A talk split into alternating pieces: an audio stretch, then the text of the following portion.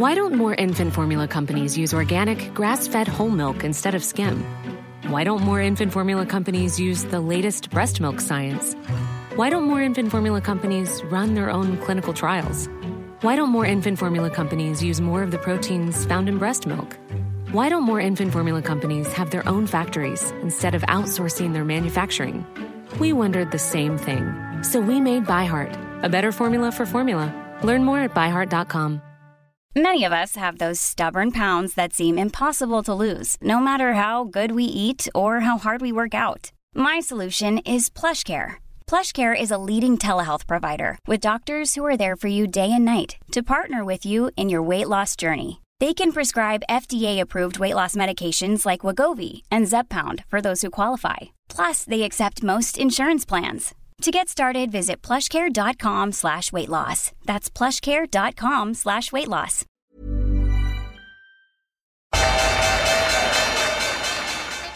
They mistook leverage for genius. Leverage for genius. I would recommend Japan. The governments don't rule the world. Goldman Sachs rules the world. Velkommen til episode 22, nei, 232 av podkasten Tid er penger, en podkast med Peter Warren. Jeg er dessverre og er produsent, og i dag skal vi snakke om det åpenbare store temaet som er det som skjer i Israel og generelt i Midtøsten, og alle implikasjoner det kan ha. Prøve å holde oss til fakta og visse analyser. Ellers skal vi snakke om markedet, touche innom olje, veldig interessant. TLT, den eh, ETF-en som uh, inneholder statsobligasjoner, banksektoren. Snakker litt om dollar igjen. God del om markedet i dag også. Så skal vi innom litt uh, lønninger, ganske ekstreme lønninger. Snakke litt om Sam Bankman-Fried. Det er mulig at det blir litt oppheta diskusjon der. Det var ikke planlagt, men det bare skjedde. Ellers så er det viktig å ha utseendet mot seg hvis du skal lykkes.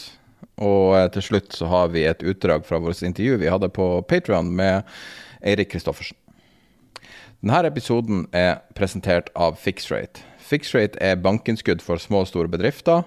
I praksis får du høyest mulig rente på sparepengene dine, som er mulig, i hvert fall som vi vet er mulig å få i markedet. Høyest rente akkurat nå, 5,1% Du kan lese mer på fixrate.no. Dagens episode er også presentert av Dealflow.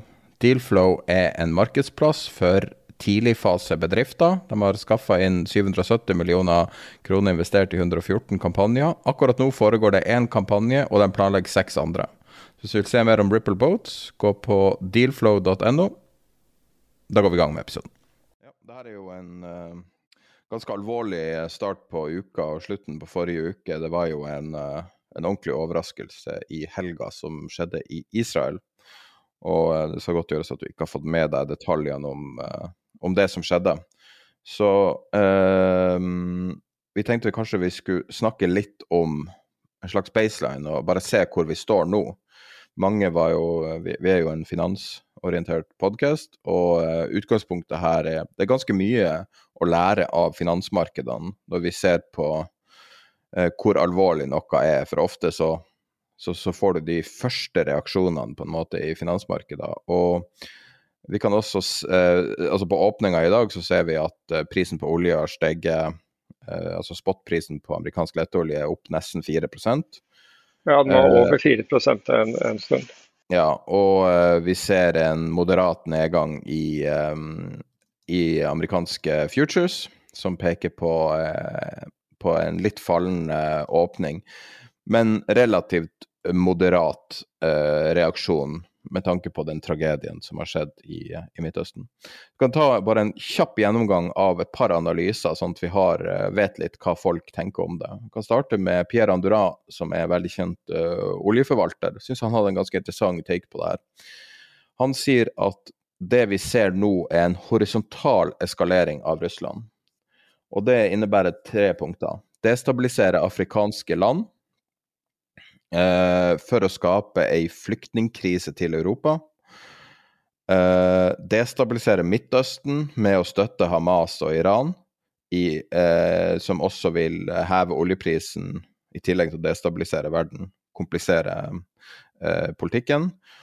Og at man svekker demokratier med disinformasjonskampanjer.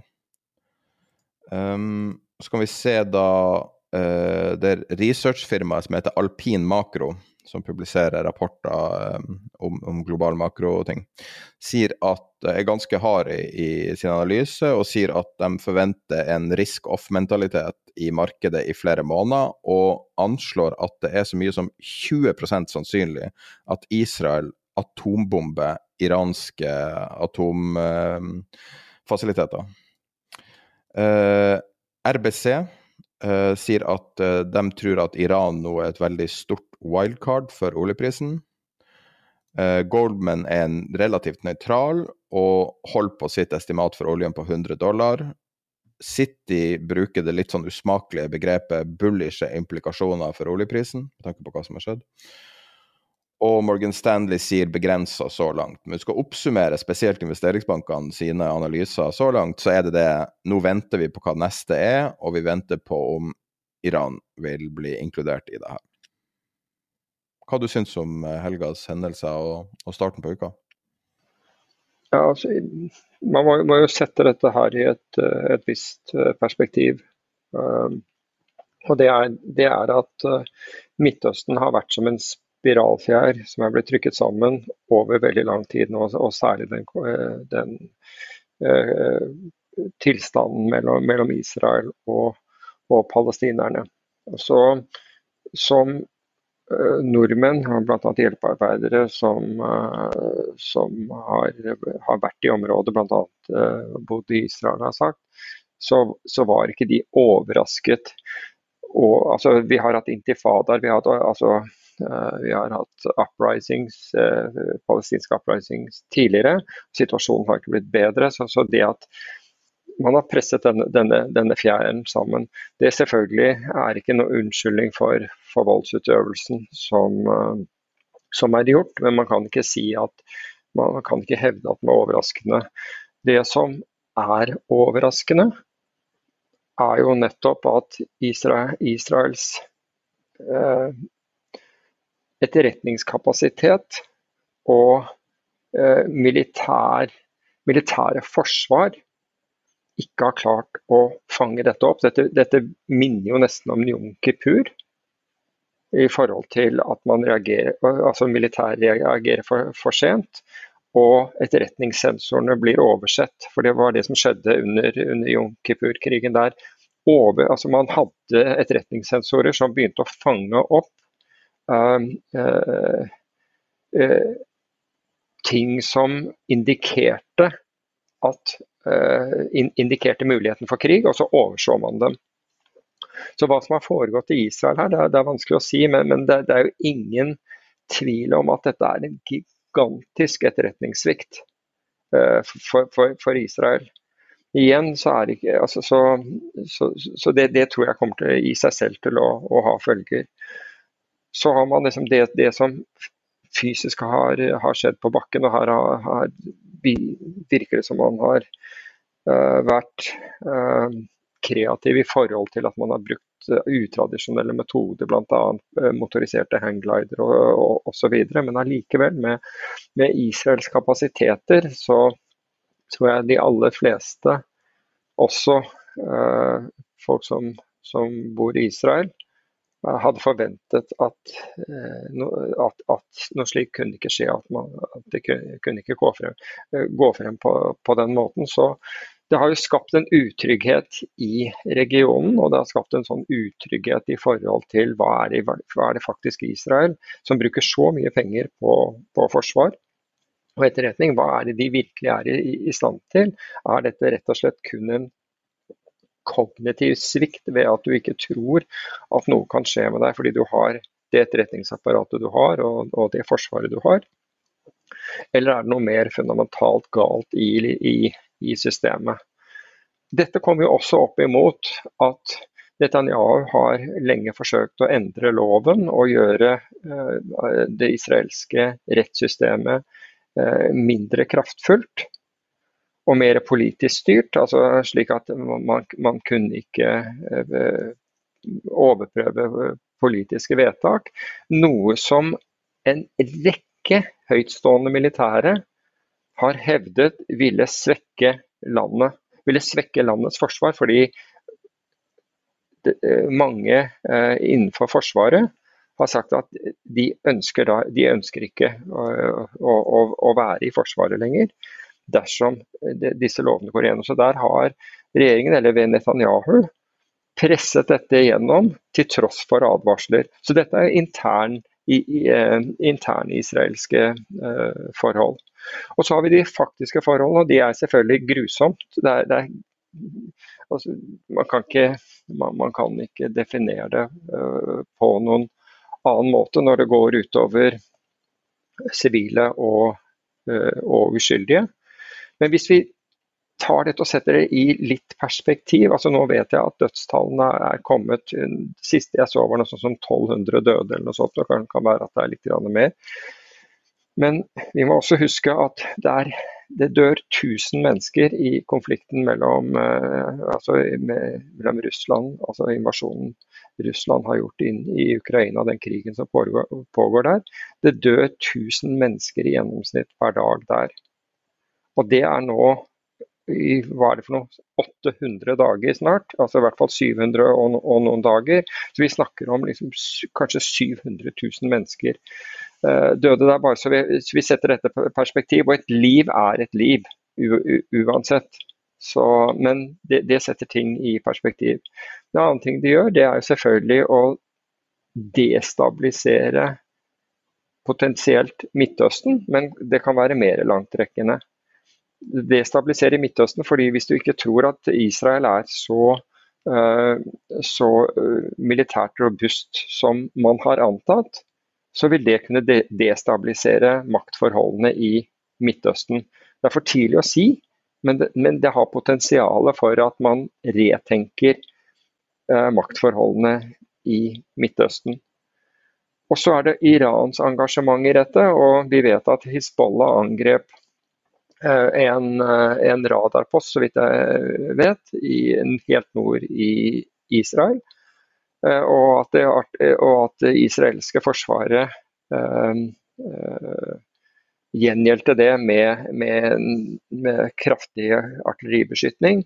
Men det er klart at Hizbollah er uh, libanesisk. Det kommer ut av, ut av Libanon, men blir støttet av Iran og hvis Pierre Andurand, som du uh, viste til, har rett, at Russland står bak dette, og da er det en helt new ballgame, for å si det på den måten. Fordi Andurand har jo helt rett i uh, hva Russland holder på med i, i store deler av Nord-Afrika, nemlig å destabilisere en rekke uh, nasjoner der. Så da er dette en helt ny sak. Altså Hvis han nå hvis de har en aktiv rolle i det som skjer nå eh, mellom Israel og, og, Palestina. Så du kan si at dette går alt fra et, en konflikt med, med, dramatiske og tragiske følger i et begrenset område, nemlig Israel, eh, Gaza og, og Vestbredden til noe som, som, kan være mye mer globalt. Og før vi liksom trekker konklusjonen av hvor dette her går, så trenger vi mer informasjon. Eh, rett og slett. Så, eh, så her, er mange, her, er det, her, er det mange, muligheter eh, for, for, for, for utfall. Og det er klart at Noen av disse utfallene, altså ge geopolitiske utfallene, vil jo øke den altså For det første så øker dette den geopolitiske spenningen, det er ingen tvil om. Én ting er det som, det som på mikronivå skjer mellom Israel og Palestina, men på et mer makronivå det som skjer med, med Israels standing i Midtøsten. Og så kan du si at, og Hvis da Russland i tillegg har, har en, en finger med i dette spillet, så blir det enda større. Så jeg tror det, dette er på en måte Den situasjonen vi befinner oss i i øyeblikket, er jo, en, er jo en situasjon hvor vi innhenter. altså Vi forsøker å forstå. Forsøker å få så god og verifiserbar informasjon som mulig. Og så må man da begynne å trekke konklusjoner uh, etterpå. Kan jeg sitere Michael Stevens, som har jobba med han sier han har jobba med Israel-Palestina-konflikten i nesten 20 år. Og det han sier er Honestly, I have no effing clue what's going on. What this means, or where this heads. Literally anything is possible. Ja, jo, men det er jo Altså, jeg er jo ikke, jeg er ikke enig, men vi, vi må jo tilegne Altså, vi, vi, må jo se på disse forskjellige utfallene, egentlig som, som jeg nettopp gjorde. altså Det fra å være et mikroperspektiv, altså det at det er Israel og Palestina dette, det, dette gjelder isolert sett, til noe større hvor Iran er, vi vet jo, altså Iran støtter Hezbollah, og Hezbollah vet vi har, har gjort en én aksjon. Vi vet, ikke, vi vet, ikke, noe mer. Vi vet jo, vi vet jo f.eks. ikke hvor våpen og utstyr er kommet fra. Det kommer til å være, være viktig. Så, som da kan implisere Iran. Og fordi Iran og Russland er i anførselstegn venner, allierte, kall det hva du vil, så kan, så, her, så kan dette bli enda større. Så jeg tror at altså På det nåværende nivå så tenker jeg at analytikere, som, altså etterretningsanalytikere, sikkerhetspolitiske analytikere, forsøker å uh, assign probabilities til hver av, av, de forskjellige utfallene, og sikkert en del ting som ikke jeg har, har, har tenkt på også.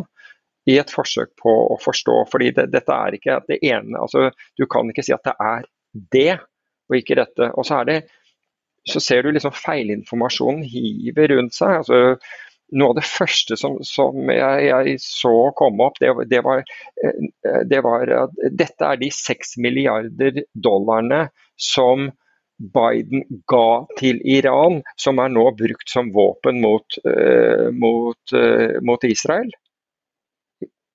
Og, og, det har blitt gjentatt og gjentatt, jeg har sett det så mange steder. Det er feil. De pengene står på en sperra konto? Helt riktig.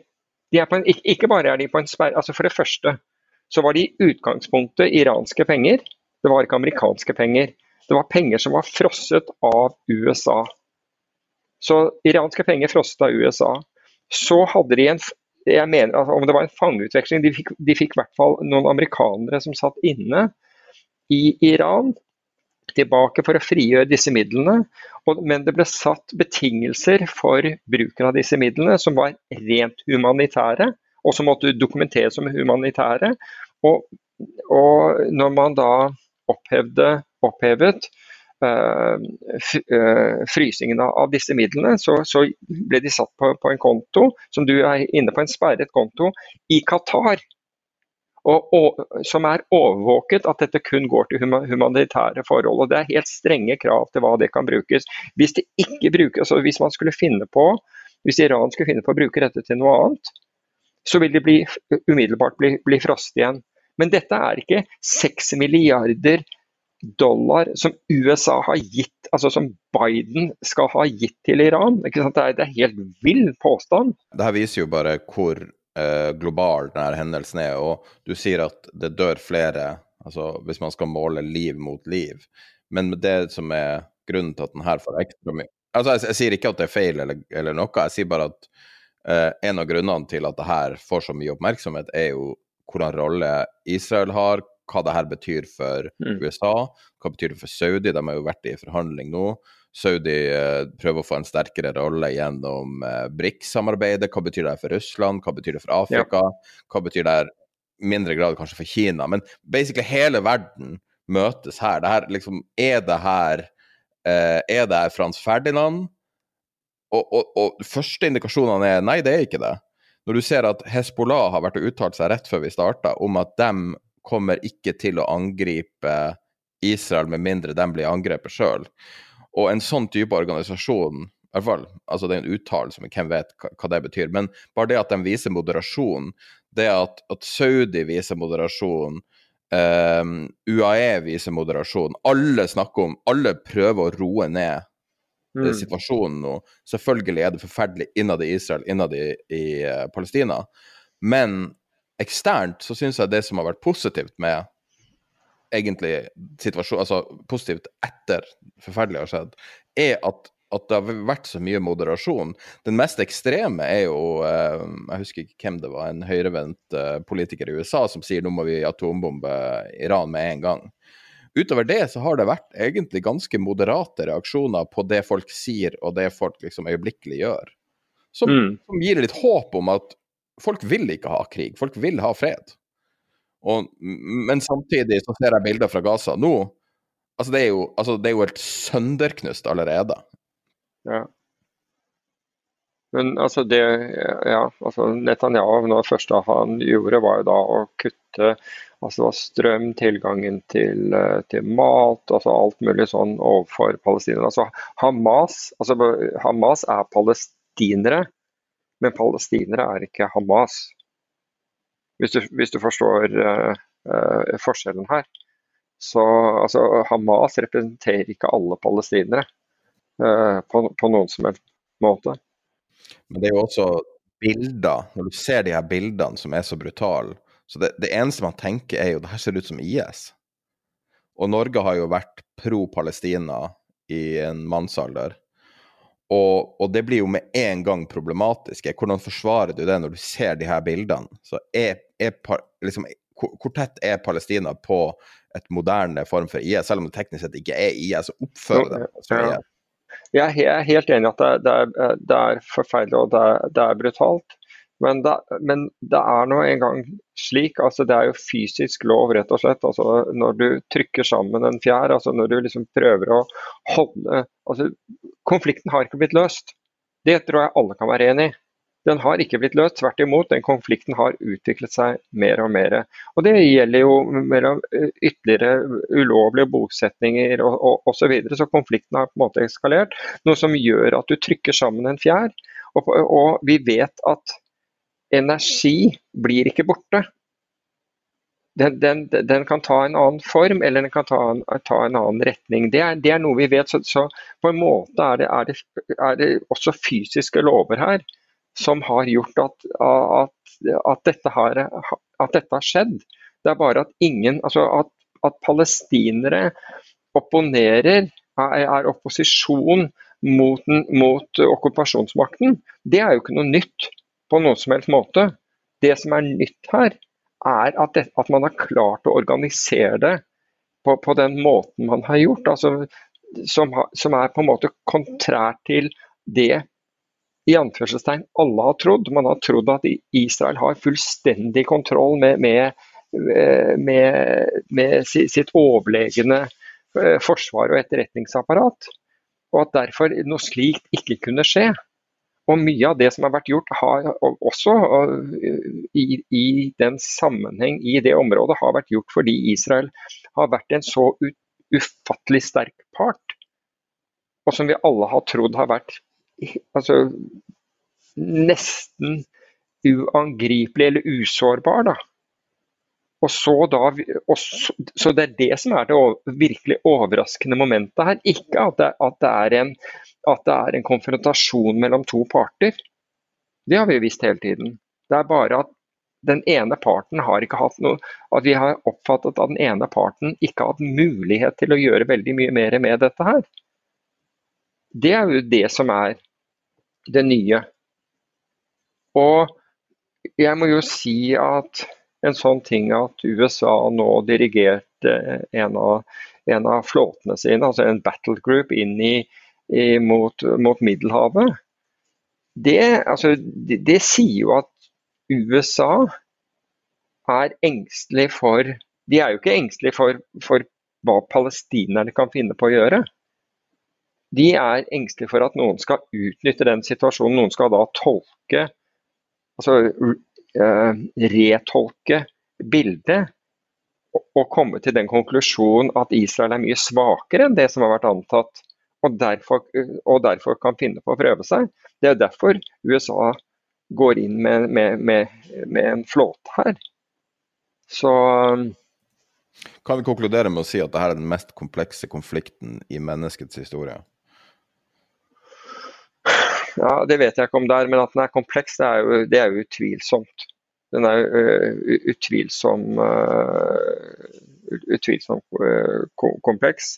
Og det er en tragedie, det, det, det som skjer. men det har, vært, det har vært en tragedie i, i, dette området i lang tid. Men, og, og dette her bare øker øker den tragedien. De fleste i Israel ønsker, ønsker å, å, å, leve i, i, fred. Og palestinerne har ikke noe annet å ønske, de heller. Altså, nå snakker jeg om jevne palestiner enn å ha et så godt liv som, som mulig uten, uten, trusler. Og så har man ikke klart å, å, å forene disse to, uansett hvor, hvor mange avtaler som har vært gjort så har man ikke klart å, å, gjøre forholdene bedre. Så, og, der, og, det er liksom grunnlaget for at denne fjæren har blitt trykt mer og mer sammen. Så, men ja, la oss uh, altså, Du kan si at la,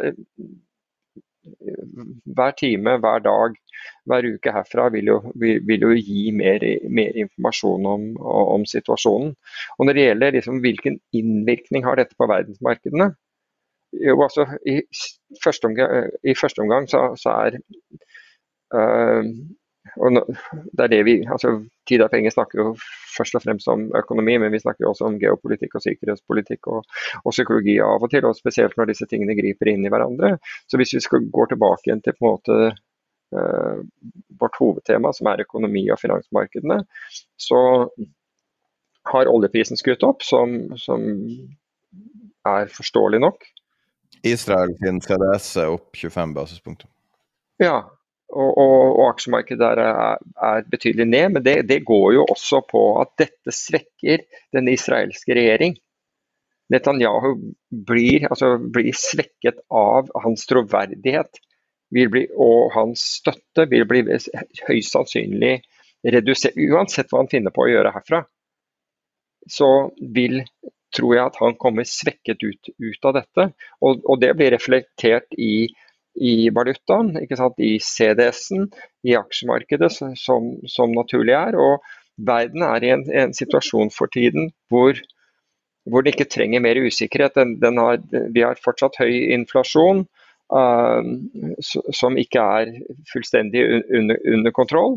Vi har høye renter som har, har negativ effekt for, for økonomien og, og for, for, de finansielle markedene. Så, så dette, dette øker. Vi har, vi, har, krig i Europa. Vi har eh, et dårligere eh, stadig dårligere forhold, virker det som, mellom, uh, mellom USA og, og, Kina. Så har vi Nord-Korea som, som, fortsetter å, å, å, teste våpen. Så det er, det er ikke mangel på ting. Uh, som, uh, som, burde være på radaren vår, da, for, for, å si det på den måten. Likevel, på et eller annet vis blir jeg litt håpefull av at verden Vi blir jo fortalt at de her statslederne er så gale, og alle er så gale, og Putin er så gal, og Trump er så gal. Alle Jeg syns at folk fremstår relativt rasjonelle, selv dem som man blir fortalt ikke er rasjonelle. Jeg så Trumps reaksjon og det var at dette ville ikke ha skjedd hvis han var president. Uh, det er det han liksom han prøver da Det er det han, han fokuserer på. Jeg, jeg, tror, uh, jeg tror ikke det er, det er uh, veldig presist, for å si det på, på, på den måten. Fordi altså under hans, under hans presidentskap så, så, ble jo ikke forholdene for palestinerne noe bedre. Så jeg, jeg tror ikke at at, og, og, du kan si, Siden dette er initiert fra palestinsk side, så kan jeg ikke se at, uh, at uh, den påstanden er, er, særlig sannferdig. Skal vi gå videre til markedet, da? Nå, det er jo veldig brå overgang å gå fra noe så katastrofe til noe så trivielt som finans.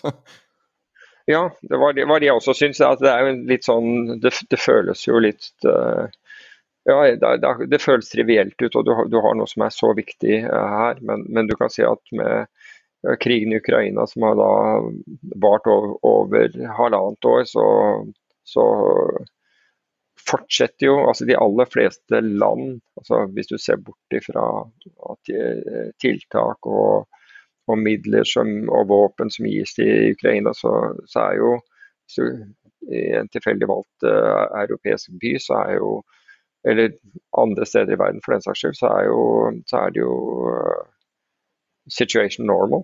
Det er jo ingenting der som tyder på noe annet. Og mest skremmende av det hele er jo at selv om, uh, selv om flyalarmene går i, i Ukraina, så går, så går folk uh, forbi bomberommene og, og, og, går på jobb.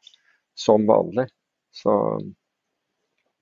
så det er, det er altså, hva var det? det er jo Darwin som, som snakker, snakket om, om, menneskets tilpasningsdyktighet, og det må han jo virkelig si at det, at det er. Men hvis vi går til markedet, skal vi se litt på hva som, som uh, skjedde i forrige uke.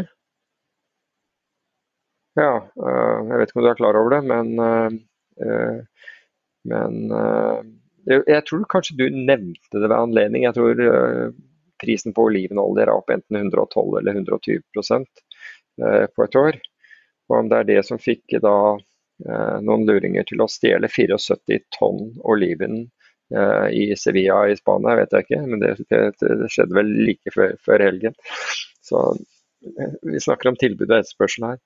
Men går vi videre i hvert fall og ser på det som er børsnotert, så hadde vi så i forrige uke da, så ledet amerikansk naturgass til, til oppsiden. Og jeg har ikke annet enn at vi har klimasvingningene fra, fra helvete i en rekke land. Så har ikke jeg sett noe annet der enn, enn det først og fremst gjaldt uh, LNG. Og det var at uh, avtalen som Chevron har inngått med, den, den, med arbeiderne ved LNG-anlegget, det viser seg nå at, slik jeg har forstått det, at, den, at arbeiderne har gått tilbake igjen på den og, og, det har gjort at streiken har, har, har, blusset opp igjen. Og det har da presset, eh, altså, presset eh, LNG-markedet og dermed også gassmarkedet. Altså LNG, som er da, er da liquid natural gas, presset eh, gassmarkedet og hatt en innvirkning på, på gassmarkedet generelt. Da. Så det er eh, det, det, det, er delvis bakgrunnen til at du fikk en sånn pop-up i, i, amerikansk naturgass. Så har du Grayscale, som tok av litt igjen i, i forrige uke. altså dette, Denne trusten som forsøker å bli og omdannes til en ETF, og som da har handlet med veldig betydelig rabatt. og Den rabatten har kommet inn fordi amerikansk eh, domstol eh, sa at, eh, at eh, amerikanske finanstilsyn ikke hadde hjemmel til å, ikke, til å, nekte dem å bli en ETF. E jeg må innrømme at jeg lurer på hva Gensler driver med når det gjelder det. Eh, med denne treneringen av, eh, av at man får Du vil jo tro at det var mye bedre at det var ETF-er, hvor man da sitter hvor da ETF-en sitter på de underliggende eh, bitcoinene, som den, denne gjelder. Og, og hvis du da ønsker å selge andelen din, så selger de bare tilsvarende antall bitcoin i markedet, slik at, at det ikke blir en rabatt i, eller en overpris, da, som det var, var til, å, til, å, begynne med, i, i forhold til, uh, til uh, bitcoin-prisen. Uh, jeg tror det er mange som, som venter på det, og det, det står jo blant store forvaltere er vel BlackRock er vel blant, blant dem, som da, skal, som da, har sagt at de skal starte Eh, at de skal starte kryptofond. Men som da er blitt trenert av, eh, av, av dette med, med at amerikanske finanstilsynene eh, holder igjen på dette. Så De har jo da ikke sagt at de, at de ikke godtar dommen heller, så jeg jeg vet ikke helt hva som skjer der. Så hadde du tørrbulk, da, som, var, som var opp 8,2% i forrige uke gjennom den ETF-en for tørrbulk som vi, vi føler som heter BD, Baltic Dry. BDRI. På, på den negative siden så, så, var det jo faktisk eh, eh, det ene var tørrbulk var opp, men tank var ned. Tankrate var ned 11 det representerte gjennom den igjen en ETF av den som heter BWET, Baltic, uh, altså, så, som da ikke har annet enn en, uh, terminkontrakter på, på tank. Og så var det europeisk TTF, altså europeisk gass, som var ned 10 eh, og kull som var ned 9,4 i, i, i, forrige uke. Så, så hadde du da du, du så U, Oslo ga tilbake en betydelig del av, av, oppgangen. så den var vel ned jeg var ikke Oslo ned rundt 3% i forrige uke, mens verdensindeksen var, var, bare helt marginalt ned.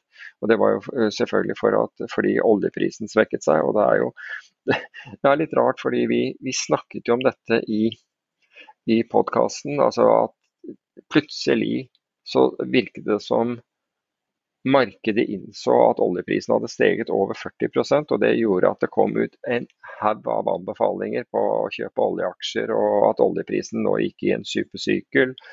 Uh, og det kom nye uh, prognoser, altså høyere enn de forrige. altså skulle Mens man tidligere hadde trodd 70-80 dollar, så nå var det 115 dollar som var prognosen. Og vi snakket om det i podkasten. Det er sånn helt typisk noe som skjer før det kommer en ordentlig korreksjon. Og så faller da, så faller da oljeprisen kraftig eh, fra de nivåene. Altså den falt vel fra ja, 95 og ned, mot, ned, i 85, altså over 10 dollar. Så det var jo en, en ordentlig eh, tur nedover. Eh, som er så utrolig typisk når den siste pessimist blir, blir, optimist. Det er ikke det at jeg nødvendigvis tror at det det er toppen for olje, men tightnessen i oljemarkedet den, den vedvarer jo, og så lenge ikke verken Saudi eller Russland uh, begynner å øke eksporten, eh, produksjonen og eksporten av, uh, av olje igjen, så vil du ha et stramt marked med mindre veksten i verden avtar så mye at etterspørselen faller. Fordi hittil. altså så Supplyet er, er, det det er. Og så har vi hatt en, en, ganske solid etterspørsel, men det er jo selvfølgelig tegn på at, at uh, veksten i Kina kommer til å være lavere, veksten i Vietnam kommer til å være lavere, Indonesia kommer til å være lavere, Malaysia kommer til å være lavere. Så det er ikke det at så, så, det er jo på en måte der vi skal se uroen, i hvert fall i første omgang, for veksten. Og det andre er jo at den høye renten griper inn.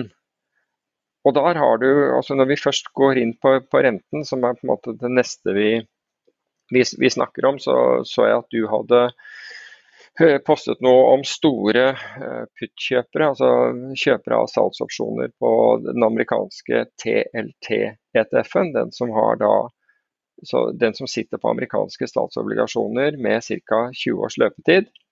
Um, og Jeg vet ikke om du har noe å, å føye til der. Jeg, jeg, bare så den, at du hadde skrevet om det.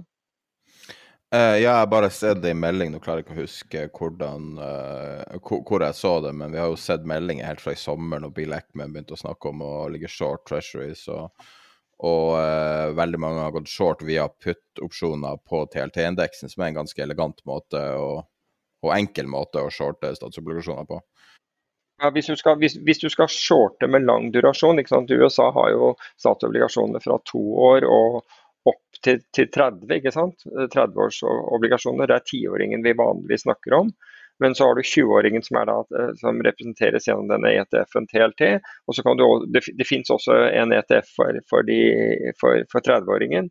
Men 30-åringen er også en av de mest altså Det er vel 10-åringen og 30-åringen som er egentlig mest handlet sånn generelt men TLT representerer 20-åringene, og den har de laget en veldig likvid ja. ETF av. Og det jeg bare så forrige uke, var at det var satt rekorder på puttopsjoner på TLT. Og inn i helga også. Ja. Så, um, som indikerer at folk forventer høyere rente. Altså høyere, høyere, rente over lengre tid er jo egentlig det som, det som har skjedd. Altså, vi, altså, Den korte renten i USA det er den som styres av sentralbanken.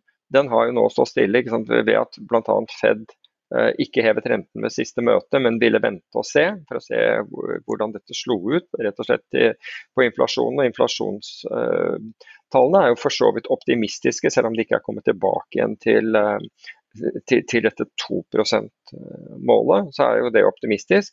På en annen side eh, så har arbeidsmarkedet vært veld, veldig stengt, og så har vi fått denne helt merkelige eh, situasjonen hvor mest, de mest sensitive aksjene, nemlig eh, vekstaksjer, hvor mye av inntjeningen ligger frem i tid, og dermed så er de mer følsomme for høyere renter enn korte renter. Uh, høyere renter, unnskyld, høy, høyere renter enn f.eks. selskaper med, med solid inntjening.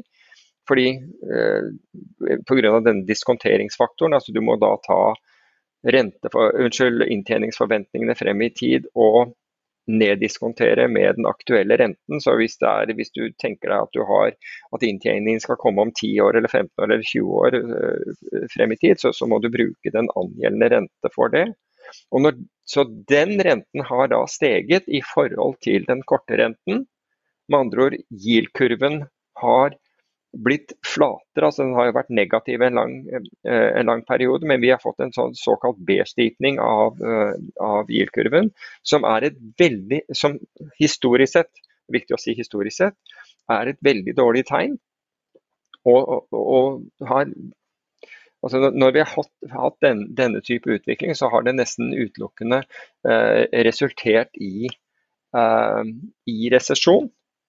Så det blir veldig spennende å se, å se hva som skjer denne gangen uh, med markedene. Men det disse lange rentene uh, sier, er jo at, er jo at uh, renten kommer til å bli høyere over lengre tid. Og kost, det betyr kosten av penger i et forgjeldet samfunn. Altså, USA har ekstremt høy gjeld. Uh, Norge har ekstremt høy gjeld altså hvis du ser på uh, per innbygger. Så det er ikke gode nyheter for markedene. Og Det som er paradokset her, da, det er jo nettopp at det vi har tidligere sett, er at det har vært en høy korrelasjon. Høy, det er det samme som samvariasjon. altså Med andre ord, når TLT eh, har, har, falt, altså den, denne, eller tiåringen har falt, Eh, så har, så har, det vært eh, Så betyr det renter opp, og aksjemarkedene har gått ned. Når, eh, når renten har falt, så har aksjemarkedene gått opp. Og, og dette, denne samvariasjonen har, har, vært der helt frem til, til i år. Hvorpå i, ja, i annet kvartal, i overgangen til annet kvartal, så begynner disse å skille vei. Og da er, det, da er det renten som går opp. Og, men, eh, altså, eller hvis vi tenker på det som obligasjoner. Obligasjonskursene faller, men, som betyr at rente går opp. Mens aksjemarkedet stiger. Så, så nå splitter de altså det, fullstendig. Altså fordi Noen som legger disse to grafene oppå hverandre, vil, vil synes at det er besynderlig, den, den, den, utviklingen. Og jeg, altså jeg kan for mitt, altså Enten hva, altså, når du tenker på hva er det rentemarkedet sier? Jo, rentemarkedet sier at eh, det forventer uh, høy inflasjon uh, over tid. Noe som gjør at finansieringskostnadene til bedrifter blir, blir, høyere, som alt annet like skulle tilsi at bedrifter tjener mindre penger. Aksjemarkedet har fullstendig oversett dette siden annet kvartal i år og, og, og, steget helt inntil nylig. Du du kan, si at aksjemarkedet for så vidt toppet ut i uh, juli eller noe sånt nå. Og, men det er blitt et merkelig stort gap me mellom disse. Og jeg tenker at det der gapet der gir interessante investeringsmuligheter. Fordi, altså, Hva er det som skal dra aksjemarkedet videre? Altså, du har fått høyere rente, det, det, må i så fall være at veksten øker. og Det er tegn at, det, det er få tegn på at veksten generelt skal øke. Kan inntjeningen øke til tross for at du får vesentlig høyere renter i bedrifter som allerede har høyere gjeld? Ja, det skal noe til. Så hva er det, hva er det aksjemarkedet ser som rentemarkedet ikke, ikke tar hensyn til? Og, og det må antageligvis være et stramt arbeid, Eller et ganske sterkt arbeidsmarked i USA. Men så er det en ting at hvis du studerer arbeidsmarkedet i USA, så vil du se at permanente jobber har gått ned, mens, mens eh, midlertidige jobber har gått opp i antall. Og jeg vet ikke om det er en sånn eh, Og midlertidige eh, jobber, det er jo sånn der at du har, at du har bijobber og, og, og, den type ting. Men det at, det at liksom de, de, faste stillinger har gått ned, er jeg ikke sikker på er et, er et så, så, positivt tegn. Men tilbake til det vi, det vi, påpekte, nemlig at disse to grafene har, har uh, gått hver sin vei siden, uh, siden annet kvartal. Så er det såpass påfallende at at jeg tror at enten, enten, enten tar rentemarkedet feil, eller så tar aksjemarkedet feil. Ja, altså, Du kan si at en av disse tar, tar feil. Og jeg tenker at du har fått renten nå, altså nå får du, nå får du liksom 5% rente på, altså nær, altså på, på, på 10 og 20 års uh, statspapirer. Det burde være attraktivt. Det burde være attraktivt når, når folk gikk mann av huset for å kjøpe disse her, mens du fikk 0,4% rente. En annen ting oppi det hele, det er, det er hva dette betyr for amerikanske banker. Og amerikanske banker sitter i øyeblikket på enorme urealiserte tap. Som følge av at de, de har betydelige obligasjonsporteføljer. Så de sitter med svære uh, urealiserte tap. altså for, Bare for Q2, Q2 2023, og det er blitt mer etterpå, så var det tapet kommet opp i 550 milliarder eh, milliarder i, altså i urealiserte tap. Og, og, hvorfor er de urealiserte? Jo, fordi staten gikk inn, altså skattebetalerne gikk inn og lånte bankene én eh, dollar for obligasjoner som, som var verdt kanskje 60 cent for at, for at det ikke skulle bli en bankkrise i USA. Men her er det tross alt urealiserte tap. Hvis ikke de sitter med dette her helt i forfall, så er det ekstremt ekstreme urealiserte tap. Og Vi har ennå ikke sett hvordan disse urealiserte tapene vil virke inn på økonomien. fordi det er ikke, det er ikke bare banker som har det. De har fått liksom midlertidig én, altså banker igjen i Vesten er som uh, hvite, uh, hvite kuer i India. De betraktes som hellige og ta, tas vare på. og De kan gjøre så mye gærent de vil, men, men skattebetalerne stiller opp. Nå skal vi sette deg litt i tekst, da. Så Freddie Mac sin Multifamily Serious Delinquent Rate, som er en sånn statlig oversikt over folk som ikke betaler for seg, spiker som gal nå. Så den er på nivået sånn uh, slutten av 2008, starten av 2009-nivå. Um, og, og, peker rett oppover. Folk betaler ikke uh, uh, boligkostnadene nå. Altså, og, og, det er jo den, den regninga du betaler først, som regel. Og så har du en, den mest forhatte grafen, da. Hvis du skal bare sette det litt sånn i forskjellige kontekster. Så Den mest forhatte grafen på Wall Street for tida er vel den analogen mellom 1987 og, og i dag, som folk ler av, liksom, at folk sammenligner to grafer. Men det, det er på en måte relevant hvis man tenker at markedet er bare psykologi. Og hvis det her stemmer, så er det om å feste setebeltet, for nå bærer det utfor. Så, så, det kan du ha i, i, bakhodet når du sier det her med bankene. Og så har du alle de her andre faktorene som spiller inn, f.eks. studielån, som nå nettopp regningen har kommet i postkassa for første gang på flere år for amerikanske eh, personer med studiegjeld. Det var frosset i flere år eh, pga. covid. Nå er det ferdig. Så det er snakk om eh, et eller annet sted mellom 200 og 500 dollar per måned per husholdning. Eh, og så har du eh, et vanvittig prispress i hele samfunnet. Selv om at, at CPI er ned, så er det jo utrolig eh, eh, mye diskusjon om at CPI, altså de amerikanske inflasjonstallene, om de faktisk fanger den sanne inflasjonen folk ser inflasjon overalt. og det er, altså, Vi har jo snakka om den her tipsinflasjonen, f.eks. Det fanges jo ikke av inflasjonstall. Mm. Og masse sånne skjulte kostnader som er ganske brutale. Men en annen faktor som, som uh, er litt interessant, er i vår verden. Ik ikke vår podkast, men i, i podkastmarkedet i USA, som er et sånn kvantumsmarked. Det benytter seg av, eh, av en, en, form for reklamekjøp som er til en viss grad automatisert. Og det markedet har falt utfor en klippe. TV-markedet har falt utfor en klippe. Alle mulige ting knytta til forbruk som går an å kuttes, begynner å kuttes. Og, og, det vi ser da, er jo at hvordan fungerer de her selskapene? Hvordan fungerer dynamikken f.eks. til et stort selskap? Så du så på inngangen på 2023. Så jeg gikk litt tilbake bare for å se hvordan var det for, for ni måneder siden. Liksom. Ti måneder siden. Og da var det på inngangen på et normalt år så har de her eh, medieselskapene fått 50% av budsjettene til, til reklamekjøperne. Inngangen i år var det 2% som har kommet inn. Og nå ser vi at folk, det er mannefall overalt, selv i vår egen bransje, kanskje ikke så mye i Norge, men, men i USA. Eh, der det store Altså, det, det, her var jo en, en liten, men, men eh, i medieverden viktig bransje. Og du ser at rett og slett bedriftene kutter til beinet nå. Og så sier man ja, men arbeidsmarkedet er så sterkt. Hva er det neste bedrifter gjør? når de har kutta reklame. Altså, det sier seg jo sjøl. Når du begynner å kutte det som genererer inntekter, så vet du jo hvordan vei det går. Mm. Og hva er det neste de gjør? Det er oppsigelser. Nå fikk vi vanvittig sterke jobbtall forrige uke. Mange tror det der kan være et høyvannsmarked, og at nå eh, raser det utfor. Og, og, en annen ting man lurer på, er For det har jo lenge vært sånn at bad news is good news.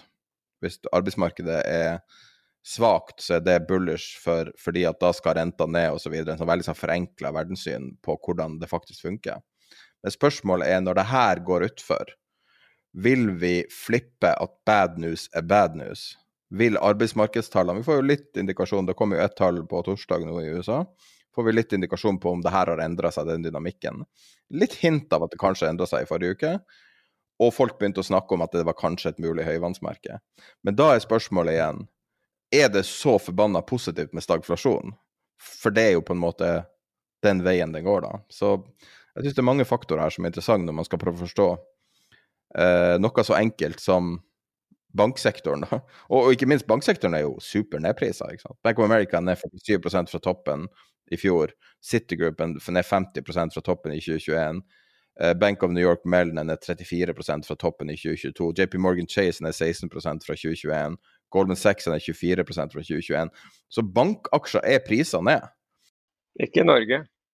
Nei, men i USA. Og, og, og, eh, og hvis du ser 3M, som, som var liksom sånn her covid-vinneren med maske og alt det der, den er 66% fra toppen i 2018. Sånn mm. at selv om at det ikke har vært en sånn her stor headline-event, så er det, hvis du ser bort fra, fra, fra Google, fra Apple, fra eh, Facebook og, og, og, Tesla og alle de her, de syv store, mm. så er jo mm. det her markedet altså Det er jo en stille kollaps. Drit nå i det hovedindeksene. Ta og Se på selskapene. Det er masse ja. ned. Ting er ned fordi at det går så det går så trått nå. Og... Nei, Det blir spennende å se. Men, men altså, du, jeg, jeg, kan ikke være annen altså, jeg, timingen kan, kan absolutt være, være, feil, men jeg, jeg, jeg kan ikke være, få meg til å være annet enn bullish på, altså Når jeg ser det gapet, så hvilken av asset-klassene vil jeg foretrekke? Jeg vil foretrekke bonds. Ja, men så kan ikke du bare trade spreaden? Jo, jo, det er tre måter å trade dette på. Altså, det er tre må hvis, hvis, du sier at dette absolutt, altså hvis du sier at, at det er et misforhold her, så kan du absolutt trade den der spredden. Da må du gjøre det. ikke sant? Da, må, da, er det veldig fint å ha en ETF eller et eller annet sånt og gjøre det, og at du, at du treder det mot, mot en indeks. Fordi altså Faktumet er at hvis du ser på den 20-åringen som, som, du innledet med, altså TLT, så den, så har den vært i månedsvis nå vært mer volatil enn bitcoin. Det, det forteller deg liksom hvor, hvor, mye dette her har, har beveget seg. Dette er, dette er, statsobligasjoner. Jeg trodde aldri jeg skulle si at statsobligasjoner er, er mer volatile enn bitcoin. Det, det, altså det, var helt utenfor min fatteevne egentlig uh, at, at så, så, kunne være. Og så sier folk at ja, det er uh, Men bare vent til Kina begynner å selge. Kina begynner å selge. Hva er det du snakker om? Kina har solgt, har solgt amerikanske statsobligasjoner siden 2013. De har, de har mer enn halvert eh, beholdningen sin av, av, amerikanske statsobligasjoner. Så jeg, for meg så, så, er så mye negativt prist inn i disse. og så, men altså, de, de, som har gått short dette gjennom eh, jeg må jo si det, de som har gått short dette gjennom uh, gjennom uh, put-opsjoner. Altså de, de, bærer jo ikke altså De har risken på premien sin, men bærer ikke en sånn der uh, lineær risiko dersom de skulle, skulle ta feil. Så Jeg, jeg syns det er en smart måte, hvis du, går, hvis du, ønsker å være short statsobligasjon, så syns jeg det er en smart måte å gjøre det gjennom put-opsjoner fremfor å gjøre det gjennom, gjennom å gå lineært short. I hvert fall etter at du har hatt et så betydelig fall som du har hatt i, i, i, i, de, i disse indeksene, for det har, det har, jo vært helt voldsomt. Så, så Sånn sett så syns jeg jo at, eh, at, at, her gjør man noe fornuftig når man, når man gjør det gjennom put-opsjoner. Men du kan enten altså det, det, er tre måter du kan gjøre det på. Hvis du sier at, at uh, her er det en feilprising. Du kan ta sjansen på at den feilprisingen faktisk gjelder aksjer, at aksjer ikke har tatt inn over seg den, den, den, den, høyere, altså fallende vekst, høyere, høyere, høyere, renter, at det ikke er tatt inn over seg, så du kan shorte aksjer. Den andre er jo at du kan gå long uh, statsobligasjoner, liksom låse inn 5 det er, ikke, det er ingen gæren rente det der i usikre tider. Det, altså Å klare å få 5 er faktisk veldig god rente. Uh, det, det, kan du gjøre. Eller det, det, det, tredje du kan gjøre, er da, som du er inne på, det, det er, det, spreadtraden. ikke sant? Short den ene, long den andre. Men poenget, altså poenget er bare tilbake, sånn kjapt tilbake til banker. altså Det fallet, altså 550 milliarder dollar, det er 25 av, av, e, av, eh, av, uh, egenkapitalen til, til, til, banker. Altså. Så det, det, ut, det, er, det, er, enorme beløp det utgjør. Så altså hvis man noen gang skulle altså det, er, det, er jo, det, er, jo, nettopp det at man forskyver problemet nok en gang. Nå er det nok en gang skattebetalerne som da må låne, låne bankene eller gi bankene penger, til, stille eh, penger til rådighet for at bankene ikke skal, bankene ikke skal gå nedenom og hjem. Det er jo helt fantastisk. Kan vi bare ta kjapt uh, to T-spreaden, som er da forskjellen på rente som amerikanere betaler, altså amerikanske staten betaler for å låne penger i to år og ti år. Mm. Som er en sånn god uh, resesjonsindikator. Nå har jo den uh, kommet veldig inn, og så sier folk å, så bra, da er det ikke fare for resesjon eller ting blir bedre. Men problemet er at det har kommet inn fordi at renta har steget så mye på lang durasjon. Altså tiårig rente har steget så mye, mens toårig rente forblir høy. Mm. Eh, kan du bare si litt om hvorfor det ikke er bra? Ja, altså det er jo nettopp altså Normalt sett så vil du, vil du ha, ha syntes det var, var, var, positivt, men det hadde jo blitt positivt hvis den korte renten den som sentralbanken setter, hadde kommet ned til det nivået hvor, hvor, eh, hvor obligasjonsrenten var, altså lange rente var. Det ville vært en positiv sak, men det er ikke det som har skjedd. Og, og, det er det som du henviste til. Det er snarere den lange renten som har kommet opp. Og det er ikke positivt. Fordi det betyr høye renter for lengre tid. Og bare for å, altså, bare for å ta denne her, eh, du viste den, den, den spreadgrafen, men hvis du ser på altså trippel Q, som er da en ETF for, uh, for Nasdaq, um, så den inneholder Nasdaq-aksjen, og det er veldig mange som, som bruker den istedenfor å kjøpe futures, uh, er opp, eller var opp 37, eller nesten 38% i år. TLT, som er da ETF-en med disse 20 års statsobligasjonene, er ned 16,4% det er hvor, hvor, mye disse her har gått fra, fra, fra hverandre. Så, så, du kan si det er all grunn til å sette seg opp i stolen og se om fins det muligheter her. Dette her er, er en ekstrem situasjon. Og istedenfor å liksom frike ut over at det er en ekstrem situasjon, så, så heller prøve å tenke på hva jeg kan gjøre med den situasjonen. Hvor ligger muligheten i den situasjonen? Hvor ligger trusselen? Hvor ligger muligheten? Og det var det vi var akkurat inne på. Det er, det er egentlig bra å få, uh, få disse tingene uh, kvantifisert. Så, så, bra er det. Hva er det med dollar igjen nå, da? Som eh, jeg ser den driver og spiker opp og tester 150 og har gjort det ganske mange ganger. Den gikk over 150, og i, i, i, i løpet av ja, tok, det, I det øyeblikket det skjedde, så tok det, ikke, tok det ikke mange minuttene før den trynet, uh, altså dollaren trynet ned til uh, 147,5. Og ryktene gikk at Bank of Japan hadde vært inne og var, at de nå hadde intervenert. Men det, det, har de ikke gjort. Bank of Japan nekter at de har gjort noe som helst i, um, i uh, markedet. Men det forteller hvor nervøst det markedet er, fordi de vet at de er ute og pusher uh, den japanske sentralbanken. Så jeg tipper bare at det var noen japanske banker som solgte på. Og dermed så kom ryktet ut at, uh, at det var det de det de drev med. Men, men, der hvor vi har sett den japanske sentralbanken intervenere, eller Finansdepartementet i, i, Japan intervenere, det er i, i, faktisk i obligasjonsmarkedet. For vi husker at de hevet jo båndene fra ca. en halv altså de, de holdt da ti års statsobligasjoner på, på, en, på en halv prosents rente, og sørget for at den ikke fikk, fikk bevege seg ut av det båndet. Men så, så, så slakket de båndene med det resultatet at renten steg, obligasjonskursene falt. Og obligasjonskursene gikk da fra, fra en halv prosent og opp til 0,8% Og da kom den japanske sentralbanken inn og kjøpte et betydelig antall uh, statsobligasjoner for at ikke renten skulle, skulle, dra videre. Dette er for øvrig et land som har 3% inflasjon altså, og 0,8% uh, tiårs statsrente. Så jeg tror at det, altså Bank of Japan er en av de sentralbankene som jeg virkelig har respekt for. Men man skal ikke ha for mye respekt heller. fordi det de gjør nå, det er på en måte å, å gå imot fysiske lover, føler jeg. Ved, å, ved at de eh, altså Jeg skjønner at de, de, ønsker å redusere hastigheten på, på, på fallet av statsobligasjoner. Men, men du, du, kan si at jeg tror trenden er, er det den er.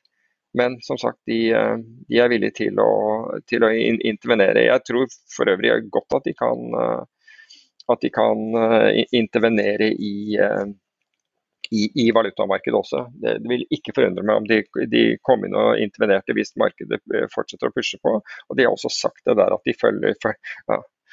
for å si det på den måten, Når den japanske sentralbank sier at de følger nøye med, så, så, har det en helt annen betydning enn, enn når, når, når, norsk regjering sier, sier, det samme. En annen ting som er viktig å repetere, man kan liksom ikke repetere det nok hvorfor vi snakker om Japan. liksom, altså Det er jo andre sida av jorda, hvorfor er det viktig? Uh, det er de færreste som verken handler i valutamarkedet i det hele tatt, og, og i hvert fall i noe japansk. Men grunnen mm. til at det er viktig, er jo at Japan er verdens største kapitaleksportør og største holder av amerikanske statsobligasjoner. Eh, de slåss en eh, økonomisk krig eh, internt nå med det vi ser, og det her har implikasjoner for alle verdipapirer på jorda. Nettopp. For øvrig var, var intervensjonen deres altså, i, i, obligasjonsmarkedet var på 675 milliarder, eh, milliarder igjen, som, som, tilsvarte i dollartermer 12,7 Eller det, det de det de gjorde i tiåringen, var tilsvarte 12,7 uh, milliarder dollar. Uh, så 1,9 trillioner var BOJs offer was a part of a total of 1,9 trillioner igjen, som utgjør 12,7 milliarder, milliarder amerikanske dollar i ekvivalenter. Så så det blir interessant å se hva som skjer der. Altså der kan det også dukke opp muligheter, rett og slett. Eh, men akkurat i øyeblikket så er det klart at hvis du har 5 eh, tiårig USA-rente, eh, eller, hvis, altså, eller, bare dollar igjen, altså, der har du en så stor renteforskjell som du får mot deg hvis du shorter dollar igjen, at du, at du må faktisk være nøye med, nøye med timingen din. Fordi du får, du får fordi du får eh, renten mot deg når du, når du shorter dollar. Skal vi snakke litt om eh, høye lønninger? Ja, altså vet du hva. Altså der, det kan vi godt gjøre. fordi der føler jeg at, eh, at, at jeg har en der, der, der, der, må jeg liksom Der har jeg en unnskyldning til både til norske meglere og for så vidt til, til, til, til banksjefer også. Fordi Altså, vi, vi, har jo snakket om meglerlønninger. Der ser du liksom, jeg vet ikke hva, Gjennomsnittlig norske megleren syns å ha et eller annet sted mellom 7 og 15 millioner kroner i, i, i lønn. og det, Vi har snakket om dette med mellommannsapparat, at, at, det er de som tjener mest i Norge. Og at det er gründerne som tar risikoen, eh, tjener mindre. Og nå har jo gründerne flyktet, og det har jo så vidt jeg har forstått, så har også noen av meglerne flyktet med dem for, de, for å kunne opprettholde holde sin inntjening. Men hvis du ser på eh, Nå har det vært en del, eh, del eh, kommentarer rundt og var vel også opp i debatten om Kjerstin Bråten som leder DNB, da, som har 15,4 15, millioner kroner i året i, lønninger, i lønn. Det er for, for, øvrig en bank som tjener mye penger. Og, og hvis du sammenligner lønnen hennes med, med hva var det du, du sa at uh, For øvrig, hva var det du sa at JP Morgan var ned? Du nevnte et eller annet at, JP eh, Morgan hadde 16% de har klart seg bra. Investeringsbanken har klart seg bedre. Citygruppen er 50 ja, ok, så eh, De var ned 16% siden toppen. Men hvis du da sammenligner Det er to ting her. Den ene er at du kan sammenligne hennes lønning da på 15,4 millioner med, med Jamie Diamonds lønn. Og Jamie Diamonds lønn er da moderate 1,5 millioner dollar, da, som, som i runde tall er eh, var 16,5 millioner norske kroner, så han, han, ser ut til å være fattig i forhold. Og, og, og, men inntil du hiver på bonusen hans, som var 33 millioner dollar, som da betyr at han, han tjener nesten 380 millioner. Så det er 380 millioner på han og, og 15,4 på Kjerstin Bråten. Og DNB stiger uansett hva som skjer i markedene. Og JP Morgan ser ut til å slite litt med, så, så virker jo ikke det urimelig. Men hvis du da ser på eh, det da ned, da, og så, så, ser du hva er da timelønnen eh, til Kjerstin Bråten altså med 15,4 millioner, så altså, nå må du ta bort hel helger og du må ta bort, uh, du må ta bort ferier, men da ender du vel opp med sånn ca. 1800 kroner timen. Eller noe sånt som 162 dollar da, per, per, per, time. Og så kom jeg over da, så, så, så jeg på en amerikansk kvinne. Hun hadde 990 000 dollar i timelønn. Um, og det utgjør vel 10,9 millioner kroner i timen. Det er ganske heftig lønn, syns jeg. 10,9 millioner, det er helt inntil du ser hva mannen tjente. Og han hadde Han tjente, han tjente 2,75 millioner dollar i timen. Hvem er det folka? Giselle Bündchen og Tom Brady. Ja, ja. Tenker du på lønna i, i, uh, altså fra SPF? Helt riktig. Sam Bankman Freed for 20 timer. Han fikk 55 millioner dollar for 20 timers arbeid. Og Giselle Bündchen fikk 19,8 millioner dollar for 20, timer, eh, for 20 timers arbeid. Så jeg må innrømme at jeg, jeg, en stor unnskyldning til, til, til når jeg klager på meglerlønningene, for jeg har skjønt at det, nei, de gutta er jo skikkelig underbetalt. Nei, det er jo lett å gjøre å gi folk godt betalt når du har uh, historiens største svindelgevinst. Uh, jeg syns han for øvrig, siden vi er inne på han, så syns jeg denne beskrivelsen jeg skulle, Egentlig hadde jeg tenkt å ta beskrivelsen, så kunne du gjette hvem dette gjaldt. Men beskrivelsen var det 26 year old white guy with a hairdo of a lunatic. Jeg syns det var en grei, grei, eh, beskrivelse. Det var faktisk en Michael Lewis som ga han den uh, beskrivelsen. Ja, snakk om altså, omdømmetapet. Det er så trist, altså. Jeg har vært Michael Lewis-fan i hele mitt voksne liv. Leste alle mm. bøkene hans, til og med snakka med han, og eh, det var liksom en stor begivenhet. Og etter jeg sett han bære vannet til eh, Sam Bankman-Fried, så skal jeg love deg, jeg kommer aldri til å lese en Michael Lewis-bok igjen. For hans omdømmetap, og, og, det at han er villig til å forsvare han, så er helt er motbydelig, altså. Ja, altså jeg er straks ferdig med boka til Michael Lewis om, om dette. og jeg refererer til intervjuet han gjorde på 60 Minutes, jeg mm. legger det med i nyhetsprøve også, der han sier 'he had a great business', og det her var bare liksom ja.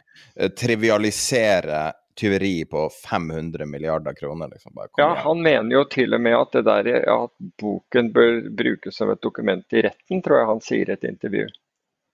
Uh, nesten som et rettsdokument. Uh, og det virker litt fjernt. Men jeg må jo si det at altså, det er jo ty altså Sam Bankman-Fried er, er way over gjennomsnittlig intelligent, det tror jeg. Eller i hvert fall kvantitativ. Det er helt opplagt at han er, fordi han går jo gjennom i boken så går han jo gjennom barndommen og opp, og til og med liksom på, når han går på Stanford osv. Og, så og når han blir rekruttert av Jane Street, som er da en high frequency trading eh, marketmaker i USA med et veldig godt renommé. bare så det er sagt. Caroline Ellison jobb, jobbet for øvrig også der. altså det som Hun som da ble sjef for, eh, for hedgefondet til Bankman Freed, som heter Alameda. Um, men, det, men det er vanskelig å kunne unnskylde at man skriver en kode som gjør at hedgefondet har anledning til å tappe børsen FTX for midler. Det, er sikkert ment som lån, det kan godt hende at det er. Men, men du kan ikke bortforklare at et nærstående selskap har, den, har anledningen til å, uh, til å gjøre det på en børs. Som bare understreker behovet for, for regulering. Um, så det er ingen tvil om. Men nå skal det sies at Bankman Fried var jo med på å pushe for regulering av, av kryptomarked og kryptobørser og osv. Jeg, jeg klarer ikke å høre på forsvaret. Jeg, jeg, forsvarer han ikke, jeg karakteriserer han. Jeg forsvarer han ikke, jeg karakteriserer han. Uh, og så er det én ting til. Uh, jeg har hørt da uh, på, på, disse referatene fra retten, som bl.a. Bloomberg har, har lagt ut hver eneste dag, hvor Bloomberg helt u, altså nesten skamløst altså, kan, altså, om, Blir han dømt, så blir han dømt. Case closed. Det, det, det, ikke sant?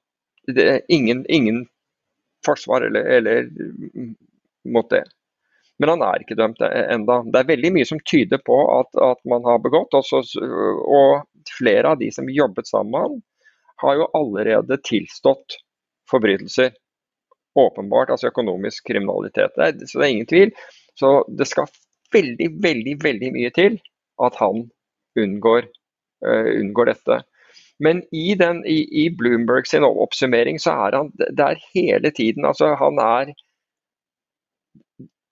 kun skyldig, og man kritiserer alt fra dressen hans. Altså det er absolutt ingenting. Det er ingen objektivitet i det. Så når jeg hører det på den ene siden og Michael Lewis på den andre, så, så, så blir det en form for balanse mellom de to, men ingen av dem Jeg liker ikke uh, det som noen av dem gjør hver for seg, bare for, bare for å si det. Men jeg syns den historikken rundt uh, Bankman Fried, hans evne til å, å, tenke i sannsynligheter, for det er det han gjør. Han, han ja, tenker helt Kom igjen, hele greia er jo en bløff. Altså, det er jo bare sånn, Folk bare kaller deg et geni, og så da er du et geni. Altså, Han skriver en sånn her random number generator som genererer et insurance fund, og så skriver ja, nå har vi nøye kalkulert. Det er en random number generator, det er én linje kode som kommer fram i retten her. Altså, det er, så, det er så åpenbart svindel, og hele familien hans helt åpenbart har en finger med i svindel. Du ser det bare, du ser så tydelig at det her er bare en født svindler. Så du, du, tro, du tror at foreldrene hans var med på det? 100% Altså, jeg, jeg, tror at de nøt godt av det. Virkelig. At de var med på svindel. Jeg tror de har okay. lært han opp til å tenke på denne måten. De var jo jurister. Hvorfor tror du han satt på Bahamas? Liksom? Altså, det var jo ikke tilfeldig. Det var ingenting som var tilfeldig her. Nei, du, eh, nei det, var, mange, det var, var flere årsaker til, eh, til, Bahamas. og Det er også beskrevet i boken hvorfor han dro til eh, Bahamas. Men det jeg tror er at det er ekstremt vanskelig for Michael Lewis, som da på en måte kanskje forgudet han, eller i hvert fall hadde et veldig opphøyd inntrykk av han fra starten. av. Og så skjer jo så, så, bryter jo hele systemet sammen mens Michael Lewis holder på å skrive bok om han og er med ham. Og jeg tror det er en vanskelig overgang for Michael Lewis der. Uh, kunne gå fra det ene til det andre. Men, uh, men, han nevner jo disse altså Han er jo en merkelig fyr. Jeg forsvarer ikke Sam Bankman Fried i, i det hele tatt. Det er, det er, ikke ment som et, et, et forsvar overhodet. Men, men han, forklar, han, forteller jo en rekke anekdoter hvor han tenker i i, uh, hvor Bankman Fried altså konsekvent tenker i, uh, i sannsynligheter om alt mulig rart. Og hvor, hvor mange ting har han ikke noe forhold til, forstår ikke og alt mulig, men, men han tenker i sannsynligheter. Og Blant annet så hadde de et tilfelle ganske tidlig, og det mener jeg var i Ripple, hvor man mangler fire millioner Ripple. Fire millioner Ripple er helt borte. Og de vet ikke hvordan de skal, skal, håndtere det. De klarer ikke å finne det, de gjør alt det de kan. Og, de, og hvor er det tapt? Ingen skjønner hvor dette her er tapt hen. Men veldig mange av de som da støtter han frem til det, de, de, de forlater han. Men, mener, men Bankman Fried mener at det er 80 sannsynlighet for at dette skal dukke opp et eller annet sted. Han vet ikke hvor, men han mener at det kan ikke være han har gått gjennom koden osv. Det kan ikke være tapt det er hans, eh, det er hans ståsted eh, på dette. Og så har noen av folkene hans uh, hører på ham, men, som revisoren sier, vi kan ikke bruke 80% for hvis dette her er borte, så er det borte. Så, så investoren vil ikke høre om noe 80% sannsynlighet. Så de skriver dette her ned. Og så går det, jeg husker ikke hvor lang tid eh, det går, så er det en børs som tar kontakt og lurer på hva de tenker å gjøre med de, de 4 millioner eh, dollar i, i Ripple som befinner seg hos dem. Så, så pengene var der, det, det, var, det, var, ikke noe svindel. Men det var liksom en av de tingene. En annen jo, men du mener meg om Når du sier det der, kan jeg bare kontre. Vi må ha balanse her. Ja, men, ja, men jeg, jeg, det, dette, dette, er bare hvordan han var. Det, ja, men dette er, for, dette er, ikke et forsøk på å forsvare han, dette er egentlig hvordan han tenker. Okay, men det, det, er akkurat som en person som stjeler medisinen til en familiemedlem før han ruse seg. Og så lurer de på hvor, hvor er medisinen blitt av, og så mirakuløst dukker det opp et sted. Så bare 'Å, der var medisinen. Jeg fant medisinen. Jeg, å, nå er jeg så flink.' Og det lå bak et skap. Liksom. Ja, men greiene var at det hadde vært, det hadde vært på, den, på, den, børsen hele tiden. Ja, men Kanskje han hadde, hadde plassert det der, og så hadde han sagt Nei, han hadde ikke plassert det der. Det, er det, det her er jo en svindler. Alt er jo en løgn. Hele ja, men det der, var, det der var ikke en, en løgn. De, de, finner igjen de, disse pengene. Og, og, så har du en, en sånn annen anekdote som ikke handler om penger.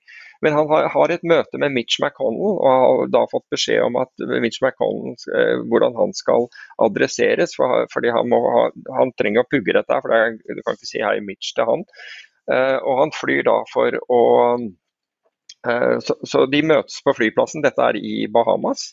Og Da kommer han som vanlig i, i shorts og T-skjorte, men han har fått beskjed om at han kan ikke møte han i, i T-skjorte. Han har fått beskjed om at han må ha dress. Så Dressen er da rulla, altså han bare krønsja sammen i en plastpose som han, han bærer den om bord. Og så kommer de dit, men, men Michael han drar dette her ut, og den er så rynkete og jævlig. Liksom, han sier da til Bankman at det her liksom det her kan, du kan ikke gå, Har du et belte? Nei, ingen hadde sagt at han skulle ha belte. Og dette hang ikke på han og, og, hele greia. Så sier Michael Lewis hvor er skoene? Og, han, og da svarer Bankman jeg har ikke fått beskjed om sko, jeg fikk bare beskjed at jeg måtte gå i dress. Så han kommer da liksom, altså Fyren får, får, til slutt på seg en dress og går barbeint. ikke sant? Det er liksom, er det jo ganske merkelig. Men vet du hva, altså det her er problemet med Michael Lewis. Michael Lewis bryr seg ikke så mye om sannheter. og det her er jo en av historiene om Altså, når man ser på, på flere av bøkene hans, så har han unnlatt utrolig viktige elementer for å få en god historie ja. ut av det. Og det har han gjort i Big Short. Og, og Flashboys. Flashboys spesielt. Altså, jeg kan si at jeg har snakka med alle kildene i Flashboys, for jeg jobba med High Frequency eh, når det var på en måte på oppsving. Så jeg, jeg vet alle kildene hans, og jeg tvilte det sekundet jeg så hvem han hadde snakka med for Flashboys. Ja, men ikke bare det, men, men, boken er jo også en kopi ja, var jo en kopi av en annen bok. Ja, men jeg har personlig erfaring med de her kildene, og hørt de historiene de har å fortelle. Og ingenting av det henger på greip. Etter hvert var det jeg skjønte. Sånn at den historien der alene stiller spørsmål med, med hans, hvem han har valgt som kilder der, og hvordan han har angrepet det. Og har en ja, ja. veldig klar narrativ han prøver å følge. Og så har du ja. uh, Big Short, så er det han, han prøver å lage de ungguttene om til sånne her uh, stjerne som bare slår seg opp. Og så bare glemmer han å nevne at faren til han ene driver et enormt fond, og det her er en sånn side venture for dem. Og dem var ikke noe to sånne strap, eh, liksom sånn um, To sånne upstarts, men de var en del av en stor fondstruktur.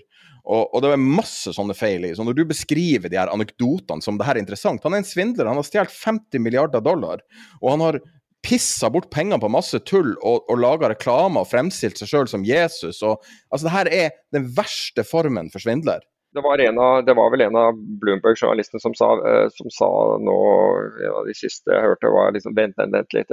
Han, er, han, er, faktisk ikke dømt. Vi bør liksom bakke av litt. Uh, som, som, på en måte tok litt, litt i fornuften.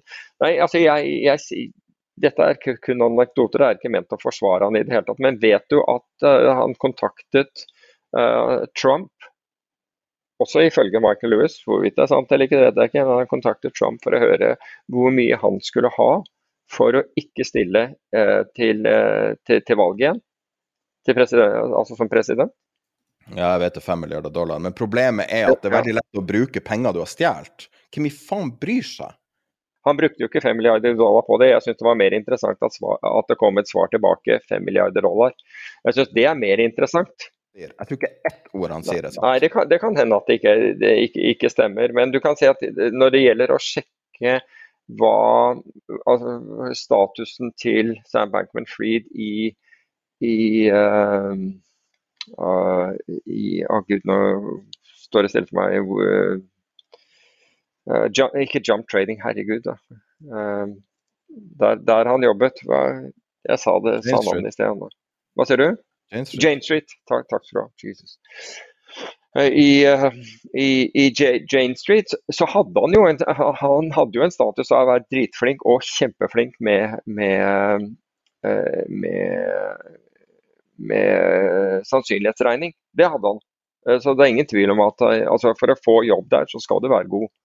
Men det verste han gjorde, faktisk det her er litt, kanskje litt out of character, men det verste han gjorde, var jo det han ødela jo krypto veldig mye. Han ødela jo så sykt mye troverdigheter for dem som tar krypto. Ja, helt enig. Krypto har jo masse interessante ting med seg. Og rent personlig er jeg kanskje ikke så stor fan av krypto som enhet, men jeg ser jo veldig mange seriøse folk holde på med det, og det har masse muligheter for å disrupte. Mm. Og så kommer en monstersvindler og ser en mulighet på å bare sitte og, og finne på ting, og bare stjele pengene til andre. Og så kan mm. kan du bare være så, så jo, jo, mer du fremstår som et sånn her eh, Eh, sånn unikt geni, jo mer det kommer du unna med. ikke sant? For Folk undervurderer deg og bare sitter der og sier og du er et geni, du er så fantastisk. og du er det er helt enig. Det er, og det er helt enig, og folk ble jo bergtatt av når jeg, altså jeg hadde jo ingen tro på at FTX e, var, var noe som helst svindel. Heldig, jeg var heldig som aldri handlet der, for å si det på den måten. men... Uh, Snakka ikke vi om det rett før det skjedde også? Var ikke det noe i podkasten? Jo, altså du, du, eh, altså Jeg trodde jo den, den, saken du henviste til, jeg husker ikke hvilket intervju det var. Da han snakket om den esken og Det var det. Når jeg hørte intervjuet han gjorde på Bloomberg, ja. Ja. han beskrev og, og, og, det var jo et halvt år, eller hva Nei, fire måneder, noe sånt før det smalt. Ganske lang tid før det smalt. Mm. Og der han ble intervjua Jeg hadde egentlig ikke så stort forhold til Sam Bankman-Fried, og det var tror jeg første gang jeg hørte han snakke. Og så stiller han opp på Bloomberg-podkasten, uh, ja, den med Joe Weisenthal. Og så, så, skal han beskrive hva uh, Ja, Var det Weisenthal, det? Jeg tror det var noe annet. Men det spiller ingen rolle. Ja, det, ja. den, den podkasten, ja. Uh, Oddlots. Og så, og så uh, skal han beskrive hva det er, og så har de han der sylskarpe spaltisten i Bloomberg som gjest også. Matt Levine? Og, ja, Matt Levine. Og så, og så skal han beskrive ja, hva, hvordan fungerer staking. Ja. Og så beskriver han det på en helt sånn uh, you, have this, you put it in a box og alt det der. Og så, ja, så nettopp, ja, bare, du, jeg anser meg selv for å være en ganske kynisk person. Uh, men det du beskriver, er en ponzi-svindel. Jeg ville aldri mm. ha beskrevet det så, uh, så dramatisk. Som, og da tenkte jeg OK, det her er noe alvorlig galt. Og da snakka vi om det intervjuet før det smalt, at det var noe som bare mm. stinka i hele den historien der. Man har ingen peiling på at det var så stort, men Ja, altså jeg altså du, du, tok den der på, på, på fullt alvor, hvilket, hvilket, var helt riktig. Mens jeg trodde at det var ment som en spøk. Jeg trodde faktisk at, at det han satt og drodla med med den der greia, var, var faktisk ment som, som, en spøk. Fordi det var, det var så far-fetched og så opplagt at jeg var sikker på at det var en spøk. Jeg har vært borti store svindlere noen få ganger i livet, i jobbsammenheng. Og de er ofte så brazen at, at, du skulle ikke falle deg inn at det er akkurat dem som er ille. For de ser aldri ut som en svindler. De er alltid veldig sånn Nei, altså du kan si at alle andre som, hadde, som i, et, i, et, viktig møte sitter og, og, og, spiller Nintendo eller gud vet hva han drev og holdt på med, midt i møtet sitter med det, hadde, hadde, du liksom sagt at denne personen her gidder jeg ikke ha med å gjøre, men, men de, de WC-ene, og det var bl.a. Sequoia som satt der, de tok det som et tegn på, på, på, på genius. Ja, Men det er jo fordi de har utrolig dårlig dømmekraft, det ser du jo. Jo, men altså, I ettertid så er jeg jo helt enig, og, og jeg, men jeg, jeg ville jo sett det som altså, både uhøflig og, og Men de så dette wow. Det, og det er jo akkurat det du beskriver. Du beskriver jo akkurat det der at, der, at du, han får den derre halo-effekten. Ja, og da begynner du å beskrive sånn ja, han kan ikke kle på seg. Å, for et interessant person. Nei, jeg ser på det som en helt evneveik idiot. Ja, ja. Og altså, jeg ser jo på, på, folk som bruker like for hvert tredje ord også som emneverket. Så der burde jo varselklokken ha virkelig ha gått av, for det, det gjør den jo my mye av. Jeg, vet ikke, jeg tror at vi må revurdere litt hva et geni er for noe, ordet geni. jo, vi får gjøre som Petreus. Ikke sant? Altså Nå har vi fått litt mer informasjon, litt mer informasjon, og vi gjør aldri en 180 grader eh, en sånn pivot. Vi bare justerer oss, justerer oss og så kan det godt hende at, at, vi, at, at, det ender at det går 180 grader, men, men det ble ikke gjort som en, det ble ikke gjort som en hårnålsving. Uh, så det er, det er, kanskje det. Så Nei, jeg, jeg syns det, det, er interessant. Jeg, jeg, jeg, angrer ikke på å lese, ha lest boken, for å si det på den måten, eller å lese boken. Altså, jeg, vil heller, jeg vil heller ha lest den og på en måte hørt på den verden og, og bli kjent med i anførselstegn de eh, som jobbet rundt han, enn, en at jeg ikke hadde gjort det. Så, så, Det er på ingen måte at jeg angrer på og, at, at, jeg, kjøpte boken. Er det dessverre dårlige nyheter til det? Ok som fondsforvalter så har jeg jo sett litt på tallene dine tidligere og vet jo at du hadde veldig gode resultater, og på enkelte fond så hadde du jo helt sånn grensesprengende resultater. Mm. Det er dårlig nytt. Fordi at hvis du ser på en oversikt uh, Financial Times hadde på, eh, ja. på, avkastning, så korrelerer ja, så, så, høy av... Så, så, kan det forklares gjennom utseendet. Jo styggere forvalteren din er, det, det er bedre avkastning jo bedre avkastning. Men jo penere, jo, jo mer eh, AUM, jo mer Asset Under Management. Så ja, nettopp. Det forklarer jo en viss uh, person som dukker opp, jeg vet ikke om jeg vil si navnet hans, som dukker opp ofte ja. i podkasten, som har et sånn betydelig uh, problem med utseendet. Men han er jo helt fenomenalt geni. Uh, og, han vil jeg si er geni, men jeg skal ikke si hvem. men hvis du har hørt på før, så har du hørt det, den personen mange ganger. Men nei, så du har tydeligvis ikke utseendet med deg, Peter. Beklager. Jeg har ikke utseendet med meg, det, det, og det, det, er helt riktig. Men den, den var jo interessant, den studien. For det var ikke bare, altså, Den viste jo ikke bare til den ene studien, men den viste til flere. For den, den, siste studien, var ikke den gjort i var den, Jeg vet ikke hvor Jo, den, den var gjort i Kina. Shanghai Jiantong-universitetet. Ehm, men så viser det seg ehm, så viser det seg at det er flere som har studert dette her.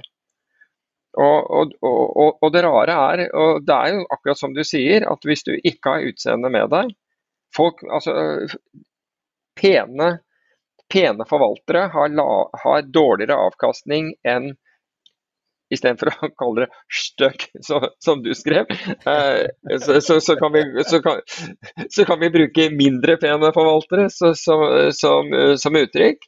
Men det er kanskje ikke så rart at at de som da har et, altså et flott utseende, eller er veldig pen, de, altså de får lettere inn penger. Men, men, det er vel sånn også med selgere, er det ikke det? Altså Hvis du en, en, en selger som ser veldig flott ut, har, har større sjanse for å få til et salg enn Det er jo to helt forskjellige yrker, bare så det er sagt, men enn en, en som ikke ser så bra ut. Altså The Journal of Accounting Research fant ut, altså som da gjorde da en studie av US Sellside, altså det er, det er meglere. De fant, de, de, de fant eh, tilsvarende. At, at, de som, at meglere som, som så pene ut, um, had, altså hadde skaffet mer business enn en meglere som var mindre pene, men smartere. Men som hadde mer rett, eller hva som helst.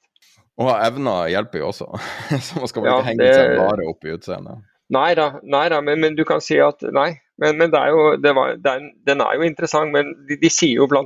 i den, den, amerikanske studien While female analysts on, on the whole provided better forecasts than male analysts, women that scored high on dominance or attractiveness were on average less accurate. Med andre ord, de, de, de, uh, uh, de hadde svakere eh, altså Prognosene deres var svakere than their, than their male counterparts. Så, så, det går over Det går mellom kvinner og menn også. Uh, har en betydning. Um, da tror jeg vi runder av med et klipp, et klipp, fra en ting vi publiserte forrige uke. Som var et uh, intervju med forsvarssjefen Eirik Kristoffersen. Og um, det er, kan du høre i, i sin helhet på Patrion. Jeg kan også si at vi har, en, um, vi har hatt en liten nyhet på Patrion. Nå får du tilgang på det betalte innholdet også på Spotify. Så hvis du bare søker opp Tid er penger på Spotify, eller klikker den linken som ligger i beskrivelsen og nyhetsbrevet og alt, så kommer du inn på ei anna kanalside. Vi har to, to måte, kanaler på, på, Spotify, altså to brukere, eller hva man kaller det. Uh, og da kan du signere Hvis du bare uh, uh, logger inn én gang på din Patrion-konto inne på Spotify, så får du alt uh, Patrion-innholdet direkte i Spotify når det er akkurat blitt mulig. Og da kan du høre hele intervjuet med Eirik Kristoffersen, som vi skal spille et klipp av nå. Og du kan jo introdusere oss inn i et ti minutters utdrag av det intervjuet. Ja, altså jeg, jeg syns jo dette, dette, intervjuet er kjempebra. og vel verdt å høre for, på, på, på, mange nivåer. Altså, selvfølgelig erfaringen hans kommer frem.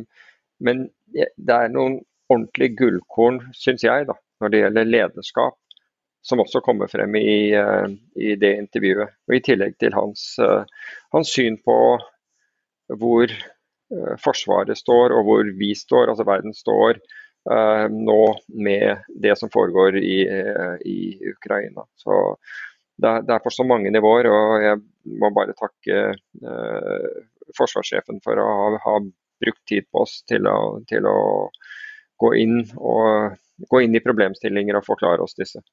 En typisk dag eh, er for det første så finnes det ingen typisk dag.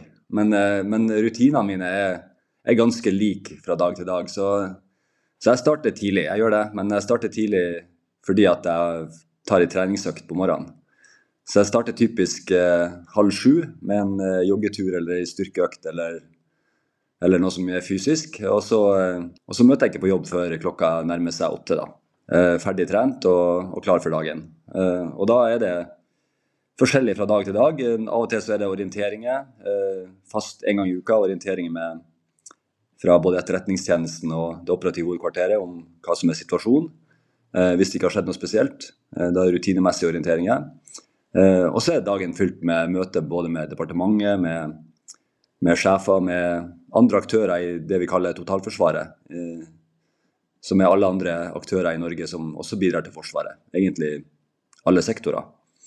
Eh, og så stiller jeg jo veldig ofte opp på, på sånne ting som intervju, podkast eller, eller fortelle litt om Forsvarets videreutvikling. Så, så det er veldig variert, varierte dager. Det er det som, som kjennetegner dagene. men det som er felles, er at de, jeg prøver å få lagt inn ei, ei treningsøkt hver dag.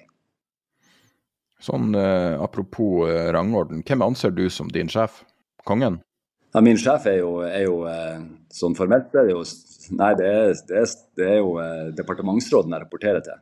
Eh, altså forsvars, departementsråden i Forsvarsdepartementet. Men det er jo, det jo statsråden som, eh, som, er min nærmeste sjef. og, så, og så er det jo han som som jeg gir råd til eh, når det kommer til utvikling av, av Forsvaret. Apropos eh, liksom, dine prestasjoner, du sier du starter med ei treningsøkt tidlig. Noe vi har skjønt at veldig mange vellykka personer nettopp gjør. og eh, Apropos sånn prestasjon og sånn. I boka di så nevner du et eh, sitat fra en barndomsvenn eh, som du sier i boka har vært viktig for prestasjoner i, eh, i livet ditt. Kan du fortelle litt mer om det, og, og, og hva sitatet er, og hvordan du har brukt det? Ja, Nå er jeg litt usikker på hvilket sitat du sikter til. Skal jeg lese det opp? Ja. Jeg vil ikke si det i tilfelle du, du ja, ja. vil si det. Um, det sitter i hodet, Eirik. Du må gi alt. Du vinner hvis du ikke trekker deg. Nei, det, det, var en, det var en, en, eh, som jeg vokste opp med, som var litt eldre enn meg, eh, som var veldig god i fotball. Og på et tidspunkt så, når jeg gikk på videregående, så spilte han på det vi kalte A-laget, altså det voksne laget i, i Bjerkvik. Og uh, når vi var på trening, så, så mente han at, eh, at uh, vi måtte konkret gi gass. Vi måtte ikke trekke oss. Helt konkret så var det i forbindelse med innlegg og cornerer, der han mente at vi måtte bare ta det rommet og satse og, og tenke at denne ballen skal vi vinne. Hver eneste ball er, har vi muligheten til, til, å vinne. da. Så jeg husker veldig godt hvordan den det han sa, direkte relaterte seg til, til, hvordan jeg oppførte meg i feltet under en corner. Eh, men, men, det var noe større i det her òg. Det handla om, om, at vi måtte ha tro på oss sjøl og, og, eh, og, ikke trekke oss fordi vi enten var for unge eller usikre, men, men bare stå for det vi hadde trua på og, gjennomføre det fullt ut.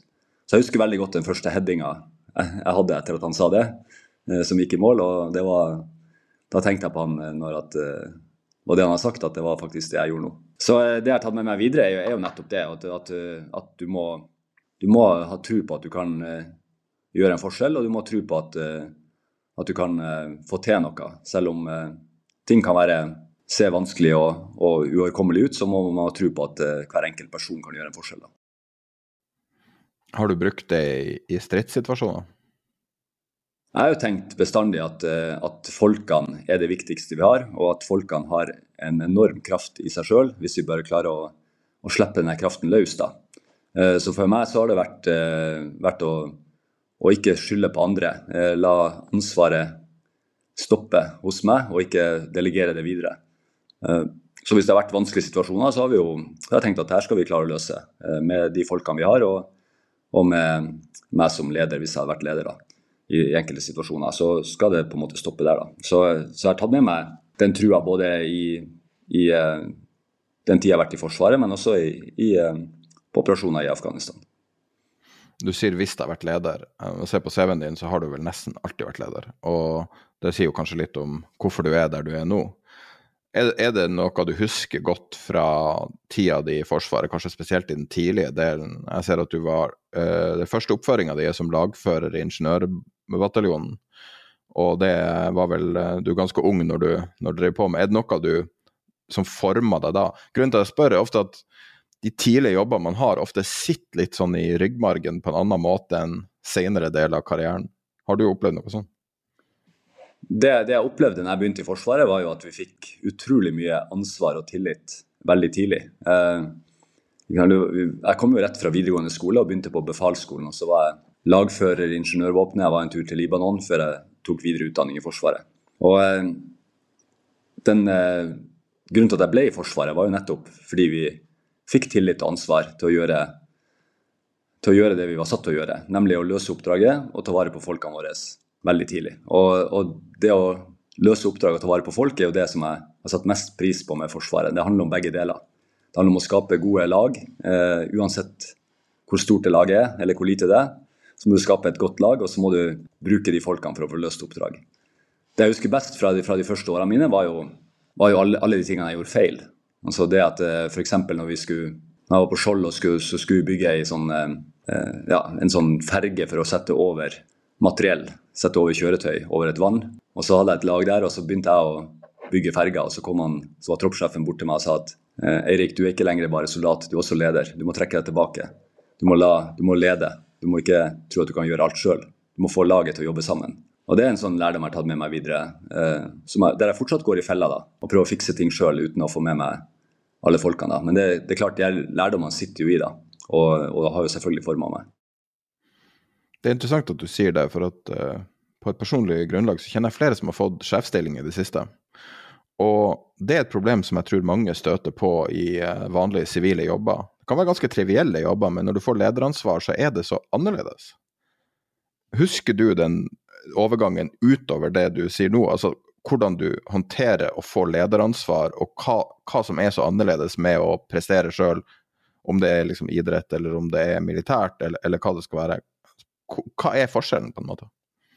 Det viktigste er jo at det handler jo ikke om deg sjøl lenger. Det handler jo om alle folkene rundt deg. Så det handler ikke om hvor fort du springer 10 km på, eller eh, hvilke dueller du vinner på fotballbanen, eller hvor fort du svømmer i bassenget, for å snakke om mine egne erfaringer.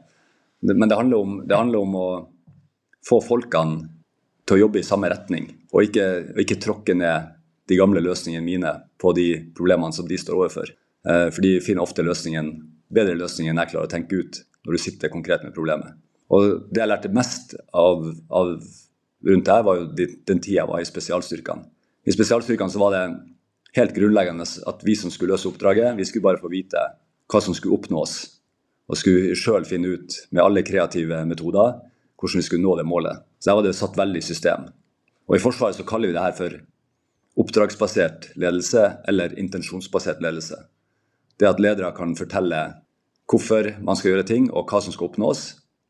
Men nøyaktig hva som skal gjøres og hvordan det skal gjøres, det må overlates til de som faktisk skal gjøre jobben. Eh, og Der tror jeg vi alle som er ledere har noe å lære hver eneste dag. Fordi planene går ikke som vi hadde tenkt. For ting endrer seg underveis, og da må de som faktisk gjør jobben, få lov til å tenke ut hvordan det skal løses. Når du nevner eh, spesialstyrkene, så er det jo interessant det at du har tatt et steg fra skyggesida av Forsvaret, det man, man, ikke hører noe om, egentlig, og inn i det som man hører veldig mye om, der du har en slags politisk rolle nå, eller ikke en slags, du har en politisk rolle nå. og Du, du er veldig offentlig, og du må bli målt og veid av, av hele folket. Um, hvordan har det vært, og, og, er det noe i den prosessen du har stått i med alle mulige debatter og ting der du må forsvare Forsvaret, og også ting som har vært problematisk, er det noe du ville gjort annerledes, og hvordan har den prosessen, overgangen, vært? Nei, du har, du har, helt rett. Altså, jeg, jeg, gikk inn i spesialstyrkene i, på opptak i 1999. Det var første gang de åpna opp for opptak eh, for oss som ikke hadde vært i spesialstyrkene før, altså som ikke hadde bakgrunn som f.eks. fallskjermjeger. Og eh, jeg gjorde det jo fordi jeg ønska å være soldat. Jeg ønska å være en del av det her kan du si, A-laget i soldatdisipliner som spesialstyrkene er. Og så eh, fikk jeg lov til å være det. Jeg fikk lov til å gå fra å være leder til å bli enkeltmann i en alder av 30 år. Jeg satte jo pris på det. Men så eh, hadde jeg den bakgrunnen jeg hadde, så jeg fikk jo lederoppgave etter hvert. Men også den tida jeg var i spesialstyrkene, så begynte spesialstyrkene å åpne seg mer opp. Eh, det var klare forventninger om at vi skulle fortelle mer om hva vi gjorde, og, og hvordan eh, vi bidro til, til, sikkerheten både i Norge og i operasjoner i utlandet. Så det var en, det var en endring i Forsvaret fra jeg vil si, midten av 2000-tallet på mer åpenhet rundt også det som hadde vært lukka tidligere. Jeg husker at Etterretningstjenesten også gikk ut og fortalte om støtten de ga til operasjoner på Balkan eh, på begynnelsen av 2000-tallet. og Det var også helt unikt. da. Så det var, det var en forventning om større åpenhet, og, og, det gjorde at jeg også ble mer eksponert eh, tidlig for, for, å både måtte skrive og, og, være til stede på forskjellige intervjuer. Så når jeg ble, når jeg ble forsvarssjef, så var det jo opplagt at, at en viktig del av jobben er jo å fortelle om hva Forsvaret gjør, og, og hva Forsvaret skal bli fremover, eh, og hvordan det egentlig står til. da. Eh, også i den offentlige debatten. Så, så, det var naturlig å gå i den rollen. Og jeg hadde jo en ambisjon om å ha enda mer åpenhet rundt Forsvaret. Eh, knytte folk og forsvar veldig tett sammen. Og så gikk jo det ganske bra en stund. Men det er klart når vi fikk de første varslingssakene som media tok tak i og kom frem med, så gjorde jeg én feil, da. Eh, det var at jeg tok plassen litt for tidlig, eh, syns jeg, i ettertid. Jeg syns at, at, de som faktisk var ansvarlig for eh, de nærmeste hendelsene som kom frem, jeg skal overlate mer rom til dem i starten, og så skal jeg komme til inn senere.